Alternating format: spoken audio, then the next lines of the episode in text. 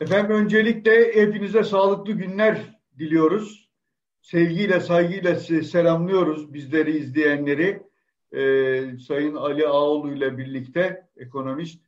Ee, evet kendisi de el salladı gördünüz. Ee, selamlarını o da gönderiyor. Ee, birlikte bu şans sohbetlerine devam ediyoruz. Ee, geçen hafta tabii Merkez Bankası için bunu e, hafif perşembeye doğru hemen kararın arkasına sarkıtmıştık. Onu konuştuk. E, adımların devamının gelmesinin beklediğimizi ve gelmesi gerektiğini de konuşmuştuk. Aktif rasyosuyla ilgili e, karar alındı. Aktif rasyosu yürürlükten kaldırıldı ki sıkça dile getirdiğimiz bir konuydu. E, hukuk reformuyla ilgili bazı konular e, gündeme geldi ama bu e, hemen Merkez Bankası'nın o kararı sonrasındaki gelişmeler acaba o hukuk reformunda e, hani biraz daha netleşmemiz, biraz daha olumlu bir havaya doğru gitmemiz e, imajını, algısını da en azından bana verdi. Sayın Ağoğlu'nun da fikirlerini alıyor olacağız. Ama kurlarda bir yükselme de var. Kısmen belki bu tartışmalara da bağlı. Alman fırkateyninin bizim e, gemiye yaptığı e, Doğu Akdeniz açıklarındaki baskının da mutlaka etkisi var. E, ama şöyle başlayayım. Bu aktif rasyosunun kalkması bu reformların, adımların devamı anlamına gelir mi? Artı burada neler yapılması gerektiğini düşünüyorsun bundan sonraki süreçte? E, istersen onun, onun arkasına da bu kur Niye yükseldi tekrar? Çünkü ciddi bir gerileme olmuştu. Bu oynaklık da iş dünyasını bir hayli tedirgin ediyor. Dün hazır giyimcilerle beraberdim. Ya bu olmadı gene filan diye e, yani birdenbire yönelimin tersine bir durum ortaya çıktı. Onu neye bağlıyorsun? Türk lirası tekrar acaba değer kazanır mı? Orayla başlayalım sonra bu hukuk tarafında konuşuruz istersen. Yani şöyle bir kere e, bu Merkez Bankası'nın adımı geçtiğimiz haftada konuştuğumuz gibi oldukça pozitif bir adım. Yani iyi bir adımdı. Evet. Tutarlı bir adımdı. Yani şimdi bu kararı kendi içinde değerlendirirken sadece 475 bas puanla piyasaya yaklaştı. Ben onun çoklu faiz ortamından faiz ortamına geçilmesi lazım diye konuştuğumuzda tekli faize geçildik. Bütün fonlamayı haftalık repodan yapacağım dedi Merkez Bankası. Bunlar piyasayla e, artık çok fazla yetişip kakışmayacağız anlamına geliyor. Bir de gene tali yollar yerine ana yoldan gideceğiz evet. yaklaşımının önemli bir göstergesiydi. Ki Fakat, en önemlisi oydu dedik değil mi yani? E, ilk başlangıcı yoksa... o olmalıydı evet doğru. İlk başlangıcı o olmalıydı ama biz bunu geçtiğimiz dönemlerde bir kere daha yaşamıştık. O da e, bu e, kredi garanti fonu döneminde hatırlarsan kredi garanti fonuyla piyasaya likit de veriliyordu. Aynı zamanda Merkez Bankası faizleri yüksek ve piyasadan para çekilmeye yani sıkı para politikası uygulanmaya çalışılıyordu. Şimdi o zaman da ben söylemiştim. Yani kan sulandırıcı ilaçla kan pıhtılaştırıcı ilacı aynı anda vücuda zerk ederseniz o vücut kafayı yer yani çalışmaz. Yani ikisinden biri çalışmaz veya ikisi birbirini yer gene etkisini göstermezdi. Şimdi burada da benzer bir durum hasıl olmuştu. Merkez Bankası sıkı para politikasına geçtiğinde aktif rasyoyu halen daha orada tutarsanız ki e, yaklaşık iki ay öncesinden beri seninle konuşuyoruz bu konuyu. Onun ya kaldırılması ya da çok esnetilmesi. Yani ileride kullanmak üzere saklayabileceğiniz bir şey olabilir bu. E, rasyo olabilir ama işte diyelim ki yüzde on, on beş, yirmi beş gibi daha hiç kimsenin bakmayacağı kadar düşük bir seviyeye indirirsiniz. Zaten etkisini otomatik olarak kaybederdi. Yani piyasaya likitte vermeye yönelik bir rasyomuz var. Öteki taraftan Merkez Bankası sıkı para politikası uyguluyordu. Bunların ikisi aynı anda uygulanamayacak araçlar olduğu için kan pıhtılaştırıcı, kan e, sulandırıcı ilaç misali e, aktif rasyonun kaldırılması gerektiğini zaten baştan beri seninle iki aydır konuşuyoruz, iki, iki buçuk aydır konuşuyoruz. Hani biz dediğimiz için indirdiklerini düşünmüyorum ama akıllı bir politika gerektirirdi. Onlar da onu yaptılar. İyi de yaptılar. Sadece dediğim gibi geçen hafta da şey yaptık. Karar doğru ama e, yola devam demiştik e, başlıkta da. Evet. E, burada da e, devam. Devam yani. Şimdi bunlar gene yetmiyor. Nedir bundan sonra olması gerekenler? Gerçekten hukuk reformunda e, özellikle e, ifade özgürlüğü, e, fikir suçlularının veya e, fikir suçluları demesek bile e, şu anda fikrinden dolayı tutuklu yargılananların en azından hı hı. serbest bırakılmasıyla başlayacak piyasaya bir e, umut ve e, şey verecek, güven verecek adımlardan gelmesi lazım ama e, şimdi ben orada topu biraz sana bırakmadan önce e, bir şeyi paylaşayım. E, bazı e, karar verici organlardaki yöneticilerin de belki değiştirilmesi gerekiyor. Yani bunun da başında bence TÜİK geliyor. Çünkü TÜİK'in de kredibilitesinin tıpkı Merkez Bankası'nın kredibilitesinin arttığı gibi e, belki BDDK, belki SPK e, gibi bir takım ekonominin e, önemli aktörü olan, aktörü konumunda olan kurumlardaki yöneticilerin de bir kan değişimi en azından kredibilite kazanma ihtiyacı açısından da kısa zaman içinde bence değiştirilerek yeni bir takım isimlerle kredibiliteye ve güveni arttırıcı önlemler alınması lazım diye düşünüyorum. Şimdi hukuk reformuna geri döndüğümde yani hepimizin konuştuğu işte Kavala ve Altan'ın bırakılması, belki Demir'in bırakılması fakat son haftada gelen söylemler, son birkaç günde gelen söylemler bunların rafa kaldırılacağı gibi görünüyor. Veya bu hukuk reformunun da sözde kalacağı, hatta bu konuda Bekir Ağırdır'ın ilginç bir tweetine rastladım. Diyor ki e, hukuk reformu süreci e, parantezi 9 günde kapandı gibi bir tweeti vardı. Şimdi bunun kapanmaması gerekiyor ki bu atılan adımlar, alınan önlemler işe yarar olsunlar. Fakat e, Sayın Arınç bu konuda bir açılım yapmıştı. E, benzer bir açılımı Gezi'de de yapmıştı ama yaptığı açılımların hemen arkasından Cumhurbaşkanı'nın sert tepkisiyle karşılaştı. Ve e, istifaya zorlandı mı, istifa mı etti gerçekten bilmiyorum ya da istifası kabul edildi. İkisinden bir, üçünden biri bilmiyorum şu anda. Ben onu sana bırakayım çünkü burada ki reform dediğimiz şeylerin lafta kalması zaten piyasadaki şu anda kurun e, hareketinin o 7.51'lerden tekrar 8.03'lere çıkmasının arkasındaki önemli sebeplerden bir tanesiydi. Tek başına değil tabii ki ama önemli sebeplerden biriydi. E, esas buradaki hani kuru neden yukarı çıkıyoruz konusuna gelmeden önce ben bu e, hukuk reformu ve Sayın Arınç konusunda senin bir görüşlerini alayım. Belki duyduklarım vardır onları da paylaşmış oluruz. Yani şimdi şöyle e, çok tartışıldı zaten bu konu. Yani e, Sayın Arınç'ın yaptığı e, açıklamanın içeriği e, ayrı bir konu. E, yani biraz iş kişiselleştirilerek ya zaten ne verdi bugüne kadar Türkiye siyasetine hep bunları yapıyor gibi eleştiriler ayrı bir konu vesaire. Ama ben şöyle görüp değerlendiriyorum. Bu iş bir e, hani zamanın ruhu deriz ya bir havası, bir iklimi. Bu e, iklimle iklime çok dikkat etmek lazım. Çünkü bun, bunlar e, işte bütün o yönetmenin ya da yönlendirmenin çok önemli unsurlarını oluşturuyor. Yani eğer konuşamazsınız gibi yani ben biz yapacağız hukuk reformunu ama siz başkası konuşmasın biz yaparız diye dediğiniz zaman o zaten bir orada sıkıntı yaşanmaya başlanıyor. Yani zamanın ruhundan, havadan kastettiğim bu. Özgürce konuşma ortamı, bununla ilgili baş, mutlaka eleştiriler olur söylediği her şey doğrudur anlamına da gelmez zaten. Ama bunların rahat rahat konuşulabilmesi lazım. Ee, burada birbirimize görüş alışverişinde bulunabileceğimiz bir platformun oluşması lazım.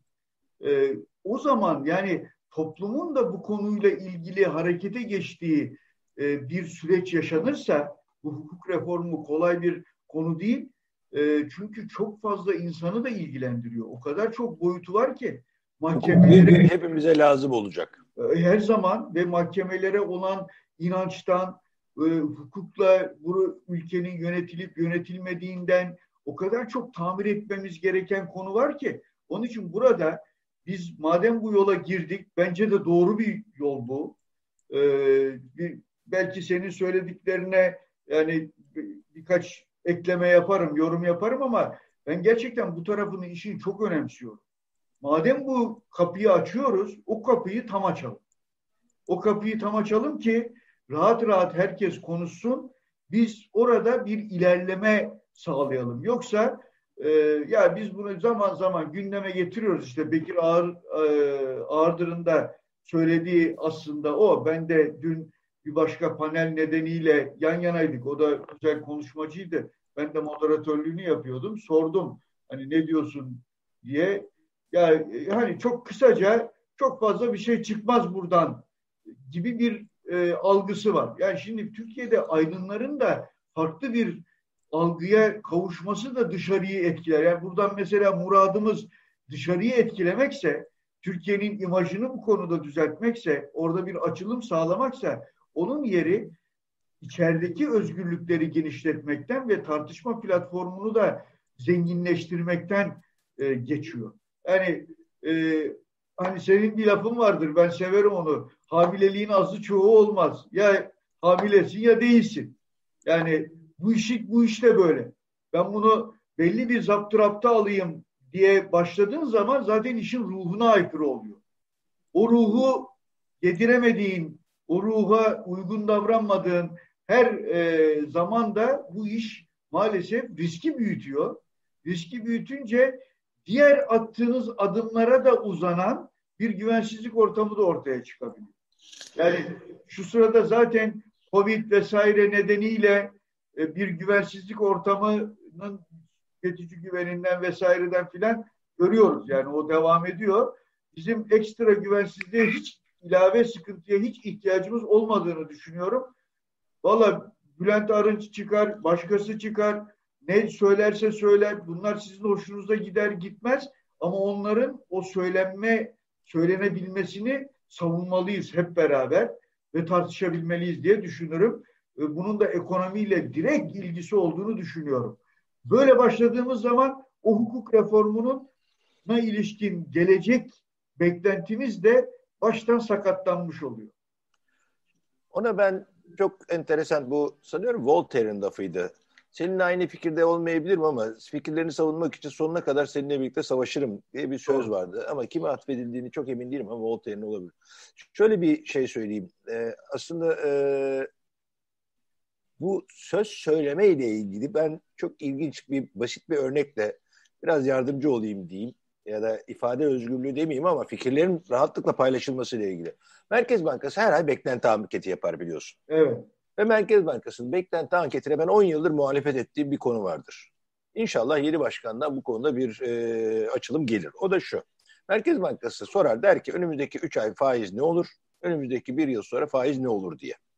Şimdi bu soruyu sorduğunuz zaman bir soruya cevap verecek, bu soruya cevap verecek olan ekonomist veya araştırmacı kimlik sadece ve sadece ne oluru değil, ne olması gerektiğini de kendi kendine düşünür. Ve e, aslında olması gerekenle olacak olan arasında fark olduğunu gördüğü andan itibaren ne olacağına göre cevap veriyor. Yani siz politik olarak Merkez Bankası'nın kararlarına e, etki ediyor iseniz o zaman bunu ana parametre olarak kendi tahmininin içine koymak zorunda kalıyor. Bunu koyduğu anda da ne olacak sorusunun yanıtı farklı oluyor. Ne olmalı sorusunun yanıtı farklı oluyor. Evet. Şimdi bu iki soruyu birden sorarsanız siz piyasadaki gerçekten beklenti anketinden doğru yanıt alırsınız. İnşallah bu düzelecek. Bir gün düzelecek. Ben bununla ilgili bayağıdan beri söylenip duruyorum ama e, şimdi bunun bir başka versiyonunu söyleyeyim gerek araştırma şirketleri, gerek şu anda politik partilerin yapmış olduğu araştırmaların hepsinde siz aslında anket yapılan kişiyi sorularınızda yönlendirirsiniz. Eski bir anketör olarak söylüyorum bunu. Hmm. Sorularınızda yönlendirirsiniz. Hatta ve hatta iyi bir ankette çap, aynı soruyu iki defa sorarsınız. Şimdi ki adamın fikri doğru mudur veya o konuda gerçekten net bir fikri var mıdır diye. Fakat herhal ve şart altında sorduğunuz soruyla siz o anketi belli kriterlerin içine, belli sınırların içine hapsedersiniz. Adamın söylemek istediği bir şey varsa bile siz ona onu sormadığınız için söyleyemez. Sorun da burada. Şimdi beklenti şey kamuoyu anketleri yapılıyordur. Mutlaka politik partiler başta AK Parti olmak üzere hepsi yapıyordur ama ona ne sorduğunuz önemli ve sorduğunuz soruya aldığınız yanıta göre değerlendirme yapıyorsunuz. Ama sizin sormadığınız bir soruda bir fikri varsa veya sizin ona sunduğunuz seçeneklerin dışında bir seçenek söz konusuysa bunu ona söylemesine izin vermiyorsunuz genellikle. Belli bir kutunun içine hapsediyorsunuz. Şimdi burada da fikirlerin serbestçe paylaşılamadığı, değerlendirilemediği, tartışılamadığı bir ortamda siz tek bir fikre doğru yanlış, tıpkı referandumlarda olduğu gibi. Evet. Yani doğru yanlış diye bir soru yanıt istiyorsunuz. Doğru veya yanlış seçeneği çok kısıtlı bir seçenek. Ama bir üçüncü seçenek daha var dediği diyecek birisi çıktığında da hayır arkadaşım sen ikisine göre yanıt ver diyorsun. Şimdi bu olmuyor. Yani bunun değişmesi hani beraberinde çok şey değiştirecek. Ona katılıyorum. Ee, ama bu hukuk reformunun lafta kalmaması bence piyasa için önemli olacak. Şimdi şunu da yani piyasaya geri dönersek eğer e, bu arkasında yani kurun tekrar yükselmesinin arkasında e, bence bu güvensizliğin çok önemli bir payı var. Yani evet. siz reform yapacağız dediniz. Ağırdan dediği gibi parantez 9 günde kapanırsa e o zaman bir şey değişmiyormuş deyip yerler almaya devam ediyor. Yabancılar sattılar bu arada. Fakat yerler almaya devam edip de fiyat artınca, kur artınca onlar da mecburen stop loss yapmak zorunda kaldılar. Zararlarını kesmek zorunda kaldılar. O da yeni bir hareket yarattı. Hep böyle olur. Hmm. Ama iyi tarafını söyleyeyim. Şu anda aslında bunun o 8.58'lerden 7.52'lere düşen hareketin bir tür düzeltmesi içindeyiz. 8.05 veya 8.17.50 geçilmediği sürece ben halen de e, önümüzdeki döneme umutla bakmayı tercih eden taraftayım. Türk lirasında değer kazanacağını düşünen taraftayım. Evet. Onu söyleyeyim. Yani ama bu değer kazanma daha önceki konuştuğumuzda da 7, 17, 50, 7, 20 altına çok fazla gitmez. Fakat esas burada önemli olan dünkü e, tekstil e, sanayicilerin de söylediği gibi bu kurum bir patikaya oturması önemli. Yani istikrarı önemli. Bunu sağlayabilmek için de sizin ardışık defalar doğru hamleler yapmanız gerektiğini çok defa tekrar ettik. Aslında yine ben Durmuş Yılmaz zamanından bir örnek vermek istiyorum inanılmaz bir şekilde bana göre çok başarılı bir merkez bankacılığı gösterdi. Sebebi de şuydu. Israrla ve ısrarla enflasyon beklentilerini yönetmek üzerine bir politika kurdu. O enflasyon beklentilerini yönetmek için neredeyse bir, bir buçuk yıl sabretti. Ve bu sabrın sonunda Türk lirası talebi artmaya başladı. Veya dövizde duranlar ya biz çok para kaybettik. Burada fırsat kaçtı. Bari daha fazla kaçırmayalım deyip DTH'lerini bozmaya başladılar. Onun için sabır gerekiyor. Biraz da e, bu süreci doğru yönetmek, ar, ard arda yani doğru kararlar almak gerekiyor. Biraz da bir yalpalamayan bir iradeyi evet. görmek istiyorsun. Evet, aynen öyle. Yani aynen öyle. Yani bir Merkez Bankası Başkanı veya Ekonomi Bakanı'nın söyledikleriyle Cumhurbaşkanı'nın söyledikleri aynı çizgiye oturması lazım. Ya da şu şu anlamda da söylüyorum. Yani e, ya bugün bu re, hukuk reformu diyorsak ya da Avrupa Birliği'ne Avrupa Birliği'nin bizim için gelecek tasavvurudur geleceğimizi biz orayla tasavvur ediyoruz diyorsak bununla ilgili duruma göre kamuoyundan gelen tepkilere göre fazla e, eğilip bükülmemek lazım. Yalpalamayan evet. iradeden kastettiğim biraz da bu.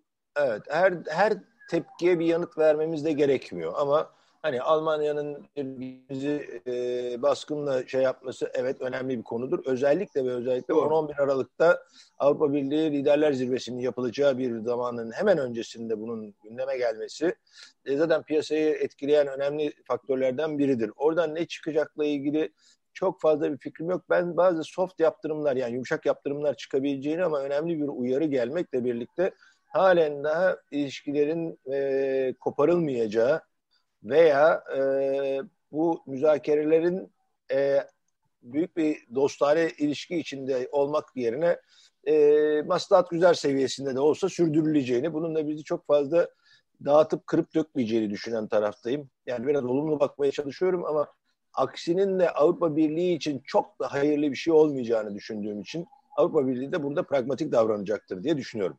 Ben de süreç, ben de aynı süreç yine uzayacaktır ama gene de burada böyle çok kırıcı dökücü bir hamle beklemiyorum ben. Evet yani yoksa tepki vermemek diye bir şey söz konusu değil yani. Doğrusu ilk duyduğumuz zaman hemen yani ben de öyle hissettim bilmiyorum sen nasıl hissettin? Dedim ki o tarafta da bu işi kaşıyanlar çok anlaşılan. Yani bunun iste istemeyenler de yani Türkiye ile Avrupa Birliği'nin bu sıralarda böyle bir yakınlaşmasını istemeyenler de var. Ya da bunlar e, yakınlaşmadan çok hani o uzatılan eli fazla temkinli yaklaşıyorlar. Hatta el uzatılmasın diye bakanlar var diye düşündüm kendi açımdan. Çünkü bu da bir tuhaf bir yaklaşım. Hani madem uluslararası kurallar Birleşmiş Milletler ülkenin izni olmadan bir arama yapmayı imkansız hale getiriyorsa kural buysa o kurala da uyulacak. Bizim için o kural geçerli Avrupa Birliği için geçersiz olmaz yani. Tabii ki. Yapılması lazım. Peki şöyle diyeyim yani e, bu aslında getirdiğin nokta önemli. Bazı e, aralıklar da verdin. E, şunu mesela bu hikaye yaşanmadan önce hem hukuk tartışması hem de e, yani bu Alman fırkateyni meselesi yaşanmadan önce şöyle düşünüyordum ben. Acaba bundan sonra ekonomi yönetimi ne yapar? Merkez Bankası ne yapar diye düşünüyordum. senin söylediğin adımlar önemli. Ama onun ötesinde burada bazı tercihler yapmak durumunda kalır mı diye de düşünüyordum. Nedir dersen yani mesela burada önceliği neye verecek ekonomi yönetimi? Ee, genellikle burada tercih e, acaba enflasyonu düşürme noktasında mı olacak? Bunların arasında belli bir bağlantı ve birbirini zaman zaman destekleyen konular da olsa mesela geçen sefer konuştuğumuz meseleden hareketle de e, bunu söylüyorum. Şunu söylemiştin ya şu anda ben olsam Merkez Bankası'nın rezervleri arttırmak yönünde hemen bir adım atmam. Daha sonra belki bunu atarım. Ama orada ödemeler dengemizde de bir yıpranma var, bir hasar var. Acaba bu süreçte yani rezervlerin de ciddi bir hasar yaşadığını biliyoruz. Acaba bu süreçte biraz daha e, döviz alım ihaleleriyle vesaire rezerv biriktirerek bir hareket eder diye de düşünüyordum. Yani buralarda bir tercih gelir mi diye düşünüyordum. Ne dersin? Bu doğru bir denklem sayılır mı? Ben buna çok e, şey değilim. E, taraftar değilim yine. Çünkü rezerv biriktirme meselesi şöyle. E, ben aslında rezerve ihtiyacınız olduğunu düşünmeyen taraftayımdır. Yani güveni, rezerve ihtiyacımız yok. Teknik olarak yok. Güvene ihtiyacınız var. Güvene ihtiyacınız var. Güven oluştuğu takdirde rezerv tutmanıza gerek yok. Rezervin için tutarsınız güvensiz olduğunuz için veya size güvenmedikleri için tutarsınız. Bakın kardeşim arkada kapı gibi rezervim var gerekirse ben bunlarla öderim demek için unutuyorsunuz. Hayır ona gerek yok. Yani bugün kamu borcu ile ilgili çok genel geçer bir laf vardır. Kamu borcu ödenmez yönetilir. Aynı şekilde ödemeler dengesini de bir seferde ödemeniz gerekmez, yönetirsiniz. Bunu yönetebilmeniz için de karşı taraftan size güven olması ve bu güvenin de bir kredi olarak, kredibilite ve kredi olarak size dönmesi gerekir. Bunu akretiflerde görürsünüz, bunu sendikasyonlarda görürsünüz, bunu borçlanmalarda görürsünüz, bunu e, özel sektöre olan ilgide görürsünüz. Bunu her yerde görürsünüz. Onun için hep aynı yere geliyoruz, dönüyoruz, dolaşıyoruz, aynı yere geliyoruz. Güven tesis etmek. Şimdi bu güveni biz hukuk reformuyla, e, açılımlarla, yap, arda arda yapılan doğru kararlarla tesis edip önceliği enflasyona verip ve enflasyon faiz faiz enflasyon kavgasını da artık ortodoks yöntemlere doğru terk edip ki onu yaptık şu anda bu son hamleyle. İnşallah değiştirmeyiz ki güven olmaması da bak inşallah değiştirmeyiz dedirtiyor bana.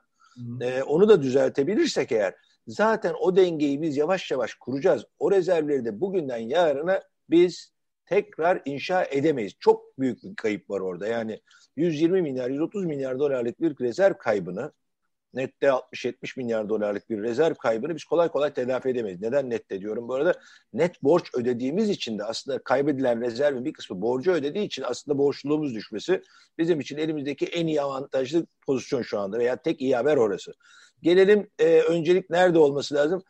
Önce güveni tesis edersiniz. Bu birazcık Nasrettin Hoca gibi olacak ama önce güveni tesis edersiniz. Türk lirasına itibar artar e, faizi caziptir. Yerli yabancılar gelirler, dövizlerini satarlar. Kur belli bir seviyeye gelir, bir istikrar kazanır. Ondan sonra Merkez Bankası devreye girmesi lazım. Önceden ben rezerv alacağım diye devreye girdiğinde herkes pahalı satmak için yarışa girer. Gerek yok ona. Sizin önce güveni oluşturmanız, istikrar, kurda istikrarı sağlamanız, Türk lirası faizinde olmayanların elinin yandığını hissetmelerini beklemeniz, onlar evet. artık benim elimde döviz tutarak para kaybediyorum, kazanamıyorum demeye başladıklarında satışa geçmeleri gelir. Satacaklardır. Siz müdahale ederek kuru aşağı düşürdüğünüz zaman satmazlar onu. O güven oluştuğu zaman satarlar. O güveni oluşturacaksınız. Ondan sonra da kur belli bir istikrara gelip hatta ve hatta herkes dövizlerinden kurtulmak istediği gün geldiğinde Merkez Bankası o gün devreye girecek. Belli bir seviyede tutacak. Ondan sonra rezerv inşa etmeye başlayacaksınız. Bu bir evet. süreç. 6 ay belki bir senelik bir süreç. Ama sabırla bu işi yapmamız lazım. Aksi takdirde yani 2023 seçimleri erkene alınmadığı takdirde vakit var bunun için. Yapılamaz da bir şey değil bu. Hı hı. Ve buna yeter ki yani hem inanılsın hem bu politikaya devam ettirilecek şekilde bir irade ortaya konsun. Bundan sonrası aslında çok çok zor bir şey değil. Ha, belki 100-200 bas puan arttırmanız gerekir ama o da daha iyi olur. Niyet belirtmiş olursunuz net olarak. Zaten sorun daha kısa sürede çözülür. Faizi arttırmadan da bunu yapabilirsiniz. Faizi arttırırsanız süreyi kısaltırsınız. O kadar. Tamam. Biraz kısa kısa gidelim biz de süreyi kısaltmak adına. Ne düşünürsün? Bir sonraki adımda Merkez Bankası şu oynaklığı da dikkate aldığında e, nasıl bir hareket yapar Aralık'ta? Hiç, ne bekler? Hiçbir şey yapmaz. Hiçbir şey yapmaz. Beklemesi lazım artık. Ve şu anda Çünkü beklemesi bu, lazım. Bu, bu kararı destekleyecek adımlar gelmesi lazım. Bu karar tamamdır. Yani başka bir karar beklemeyelim buradan. Tamam, 200 bas puan şimdi... art, şöyle söyleyeyim. 200 değil 500 bas puan arttırdı. Evet. Hiçbir şey yapmadık. Evet. Nereye kadar çözeriz bu işi? Çözemeyiz. Anlaşalım çözemeyiz. Evet. Bunu Ama destekleyecek adımlar gelmesi lazım. Adımlarda hiç böyle e, geri vitese takmayıp aynen, gene hep ileri. aynen ileri bir hep viteste ileri. devam etmemiz lazım. Aynı kanaatteyiz. Peki şimdi e, bu noktada e, biraz böyle dışarıya da bakarsak yani e, altında, petrolde, emtiyada genellikle bir hareketlenme var. Bir de Bitcoin tarafında bir hareketlenme var. Yorumlarını rica edeceğim onlarla ilgili. Ne ne düşünüyorsun? Altın niye düşüyor? Şimdi aşı diyeceğim. Aşı. Yani her şeyin başı aşı diyeceğim. Aşıya iki tane açıdan bakacağım müsaade edersen. Bir tanesi geçtiğimiz günde sizin manşetinizde, dün ya da evveli gündü galiba. Manşetteki aşı konusundan Dündü, bakacağım. doğru. Ee, dünkü manşet çünkü e, bence aşı da dünyada aşı bulundu. Veya bulunmak üzere veya onaylanmak üzere diyelim. Bize kadar inmesi zaman alacak. Orada Hı. da bir sorun yok. Ama ve lakin Türkiye'nin net bir aşı planı yok. İşte o Ruslarla görüşüyoruz, Çin'den 10 milyon getireceğiz, o yapacağız, bu yapacağız diyor ama ortada hiç kontrat yok. Hiçbir anlaşma yok. Verilmiş bir peşinat ve avans yok. Şimdi bu, bunu şunun için dile getiriyorum. Bu aşının olması, gelmesi çok bence çok önemli. Neden? Herkes için önemli de biz bu konuda ortaya bir plan koymuyor olmamız bizim için dezavantajlı bir durum yaratacak. Sebebi de evet. diğer e, bazı bizim e, rakibimiz olan ülkeler diyelim e, bu aşıyı önceden aldıkları, edinebildikleri takdirde sıralıklı sıraları belirlemek kaydıyla diyelim ki 65 yaş ama ondan sonra çalışanlara diye başladığınız andan itibaren ekonomilerini daha çabuk toparlayacaklar. Daha çabuk Aynen. toparlanmış bir ekonomi de biz bu konuda sıkıntı yaşarken rekabette onlar öne geçecekler. Şimdi Türkiye'nin bu aşı konusunda çok net bir planı ortaya koyması, anlaşmaları yapması ve aşını, aşıların buraya geleceğini en azından çalışmaları süren önde giden aşı şirketleriyle bu anlaşmaları yapması lazım ki biz bu rekabette sırf aşı nedeniyle hastalığın bize veya aşının geç ulaşmadığı nedeniyle hastalıktan hani kırılmasak bile ekonomiyi geriye düşürmesi rekabette bizi geriye düşürecek. Onun için net bir aşı planının ortaya konması, bunu da gene güven arttırıcı önlemler çerçevesinde yapılması lazım diyeyim. Aşının birinci kısmını bu şekilde geçelim. Bence çok önemli. Çok önemli, çok çok önemli gerçekten. Çünkü çok sonuçta önemli. yarın öbür gün kardeşim kim toparlayacak? O nereden bakacaksın? En önemli göstergelerden bir tanesi aşı olacak. Evet, bugün bir açıklama geldi. Avustralya Hava Yolları Kantas'tan. Evet. Aşı yapmayana uluslararası uçuş yasağı var. Biz de bugün onu kocaman e, fotoğrafıyla koyduk. Bir de diyor ki pozitife de diyor 645 dolar vereceğim diyor. Pozitif çıkarsan 645 dolar vereceğim diyor. Çok bakın bu bu bu dünyadaki ulaşım hava yolu ulaşımında çok devrim niteliğinde. Devrim derken olumlu anlamda devrim değil. Büyük bir değişim anlamında bir hareket evet. olacak. Evet. Bir yerden bir yere ulaşmak için aşı olmak zorundasınız. Evet. Veya bir sağlık pasaportunuz olması lazım. Evet. Şimdi bu çok önemli. Yani önemli olacak önümüzdeki dönemde. Onun için bu döneme hazır olmanız lazım. Dünyanın en büyük hava yoluyum dediğiniz anda bunun altyapısının hazır olması lazım. Doğru. Belki kapıda aşılamanız lazım. Bilmiyorum yani onu ben bilmiyorum ama aşı planınızın mutlaka sağlam bir şekilde hazırlanmış olması, anlaşmalarının yapılmış olması gerekiyor.